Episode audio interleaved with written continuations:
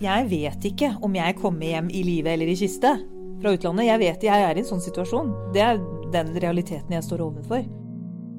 Hun fikk en dødelig diagnose, men nekta å gi opp. I et halvt år har vi fulgt kreftsjuke Shabana Rehman gjennom nedturer og triumfer. Nå tenker jeg at vet du hva, jeg har lyst til å leve. Men hvor kom denne kampgløden fra? Det ble alkohol.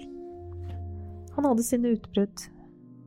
Hvis du var ung minoritetskvinne og gikk ute sent, så kunne du bli stoppet opp og spurt hva gjør du ute så sent, hvor er foreldrene dine?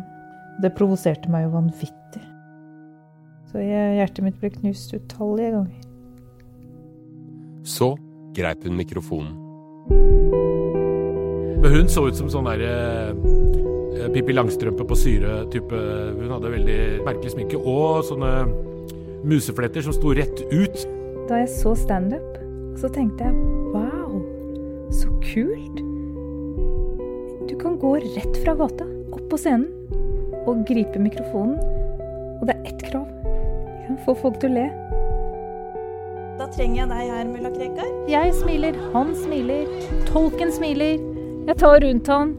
Og løftet ham under rumpa. Han smilte på vei opp. Han sprelte med beina. Jeg glemmer det aldri.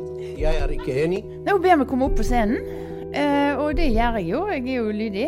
Men jeg visste jo ikke hva som skulle møte meg der. Og det hun gjør da, det er at hun kysser meg. I 25 år har hun prega samfunnsdebatten. Det har kosta. Det føltes ut som et ordentlig drapsforsøk, ikke sant? Er det krigserklæring, liksom? Jeg hadde fått nok. Shabanas verden. En dokumentarserie i seks episoder om Shabana Rehman fra Aftenposten. Hør den hos Podme eller i Aftenposten-appen.